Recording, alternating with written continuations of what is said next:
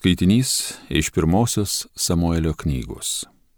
Anuomet tarp Benjaminitų gyveno žmogus vardu Kišas, Abielio sūnus, Zeroro vaikaitis, Afijacho sūnaus Bekorato provaikaitis, Benjaminitas, pasiturintis vyras. Turėjo sūnų vardu Saulių, stotingą ir gražų, už jį gražesnio nebuvo nie vieno tarp izraelitų. Už juos visą galvą jis buvo aukštesnis. Kartą Sauliaus tėvui Kišui pasiklydo asilės. Tad Kišas ir tarė savo sūnui Sauliui pasim kurį nors iš tarnų ir eik ieškoti asilių. Ir perėjo juodo Efraimo kalnyną, išvaikščiojo šališo sritį, bet jų nesurado. Keliavo per šalimo sritį, bet ten jų nebuvo. Paskui apkeliavo Jeminio kraštą, bet jų nei tenai nesurado. Kai tik Samuelis pamatė Saulių, viešpats jam davė suprasti. Tai čia tas vyras, apie kurį esu tau kalbėjęs, tasai viešpataus mano tautai. Saulis prieės prie Samuelio tarp vartų paklausė, prašom pasakyti, kur yra aiškia regio namai. Samuelis atsiliepė Sauliui, tai aš esu aiškiregys, eik su manimi į viršų. Judu privalote šiandien su manimi pavalgyti. Rytoj aš anksti išleisiu tave į kelionę, po to, kai būsiu pasakęs visą, kas ant širdies tau guli. Paėmęs aliejinį indą, Samuelis išpylė aliejų ant Sauliaus galvos ir jį pabučiavęs pasakė, Tave štai patepė viešpats savo paveldo kunigaikščių. Tu viešpatausi viešpaties tautai ir ją išvaduosi iš ją supančių priešų rankų. Tai Dievo žodis.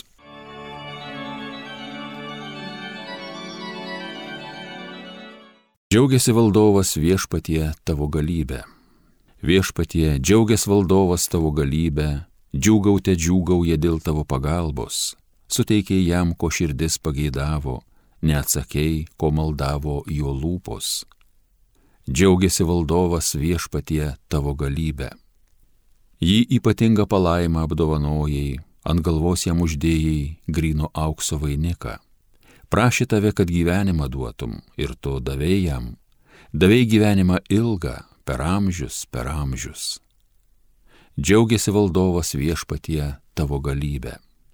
Didijam garbė dėlė tavo pagalbos, padarėjai jį garsų didingą, tu jį padarėjai amžių palaimą, savo veido šviesą jam pažėrėjai laimę. Džiaugiasi valdovas viešpatie tavo galybę. Alleluja.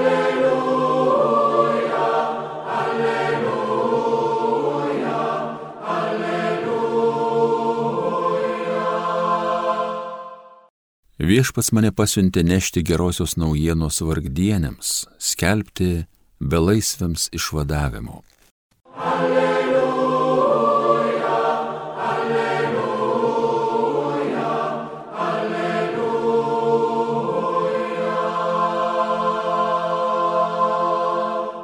Iš Evangelijos pagal Morku. Jėzus vėl nuėjo į pažerę. Ištisa minė rinkosi prie jo o jis juos mokė. Praeidamas jis pamatė Levi, Alfėjaus sūnų, sėdinti muitinėje ir tarė jam, sek paskui mane. Šis atsikėlė ir nuėjo paskui jį. Kai Jėzus Levio namuose buvo pasodintas prie stalo, daug muitininkų bei nusidėlių sėdosi su juo ir jo mokiniais, nes daug buvo tokių, kurie sekė paskui jį. Rašto aiškintojai iš fariziejų, išvykė jį valgantį su nusidėliais ir muitininkais, prikišo jo mokiniams. Kodėl jis valgo su muitininkais ir nusidėjėliais? Tai išgirdęs Jėzus atsiliepė. Nesveikiesiems reikia gydytojo, bet ligonėms. Aš atėjau neteisių šaukti, o nusidėjėlių. Girdėjote viešpatie žodį.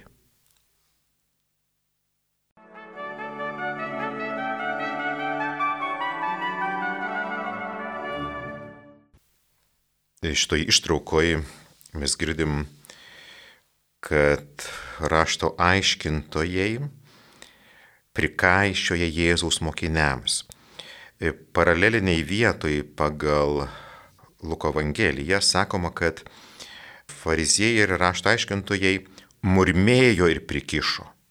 Taigi jie yra nepatenkinti tuo, kad Jėzus sėdi kartu su muitininkais ir nusidėjėliais. Gaila tekstas neprašo, kaip jaučiasi, ką masto, kaip atsiliepia patys e, muitininkai ir patys nusidėjėliai. Nes Jėzus juos vadina ligoniais. Jeigu mus kas nors pavadinto ligoniais, tai mes turbūt būtume nelabai patenkinti. Jeigu žmogus sako, nu tai tu jau ligonis, tai tu jau nesveikas. Na tai taip jau primti nėra paprasta ir nėra lengva. O Jėzus tiesiog taip ir sako, nesveikiesiems reikia gydytojo, bet ligonėms.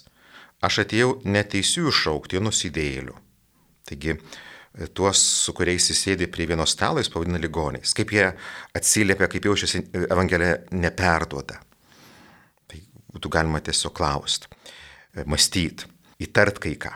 Tačiau noriu dabar sustot ties Jėzaus žodžiais. Nesveikiesiems reikia gydytojo, bet ligonėms. Aš atėjau neteisių šaukti, o nusidėjėlių.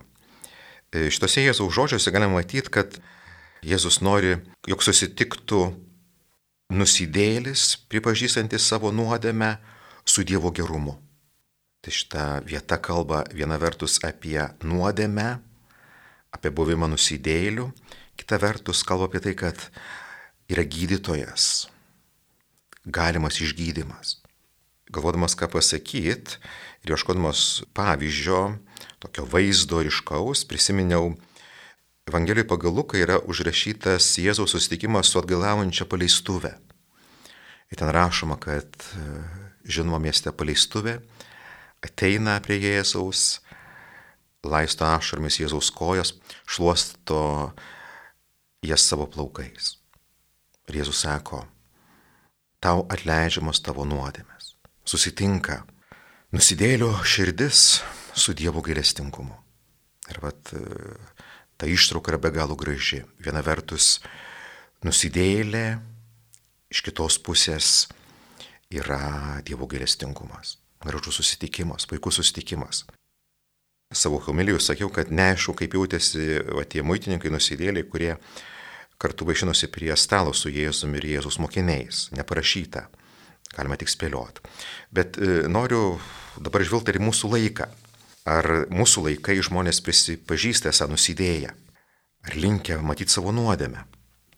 Kažkada tais e, važiavau automobiliu, e, buvo prieš rinkiminis laikotarpis ir vienos, būtų galima sakyti, antihumaniškos partijos atstovas pareiškė, mums priklauso ateitis. Man atrodo, kad mūsų laikai žmonės dažnai galvoja, kad jie yra pažangus kad jie yra šolaikiški, kad jie yra civilizacijos atstovai, bet tuo pat metu nemato labai destruktyvių dalykų. Ir man čia prisimena viena vieta iš pirmo Jono laiško. Nemylėkite pasaulio, nei to, kas pasaulyje, nes visa, kas pasaulyje, tai kūno geismas, akių geismas ir gyvenimo puikybė.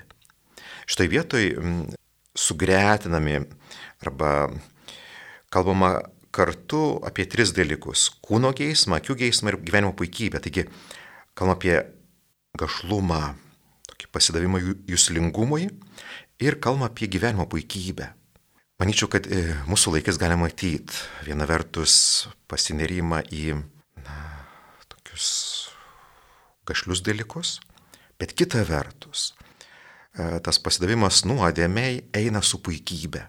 Ir va šitoje švento rašto vietoje sugretinami tie du dalykai - gašlumas, pasidavimas jūstriškumo ir puikybė. Ir manyčiau, kad vat, mūsų laikais, na, susitikti su Dievo gailestingumu sunku, nes žmonės nepamato savo nuodėmės. Ir kai nepamato, tada sunku priimti Dievo gailestingumą.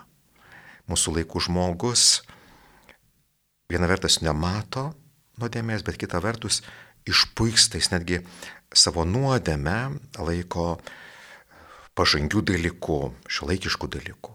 Ir tokiu būdu užsikėtina savyje. Taigi, vat, e, šios dienos ištrauko Jėzus, matom, nori sugretint, nori, kad susitiktų prisipažinimas, jog esame nusikaltę su Dievo gailestingumu. Bet mūsų laikais puikybė trukdo šitam susitikimui. Bet kai vat puikybė įveikiama, kai nuodėmės pripažįstamos, tada iš tikro gali įvyktas nuostabus susitikimas tarp nuodėmės, tarp atgailos ir Dievo gailestingumo. Ir vienas iš gražiausių susitikimo pavyzdžių e, yra prašytas Evangelijų pagal Luką, kur pasileistuvė ateina prie Jėzaus, verkia, o Jėzus sako, eik, tavo nuodėmės atleistos. Tad tegul mūsų laikų žmogus mokės įveikti puikybę, pripažinti nuodėmę ir susitiks su Dievo gailestingumu. Amen.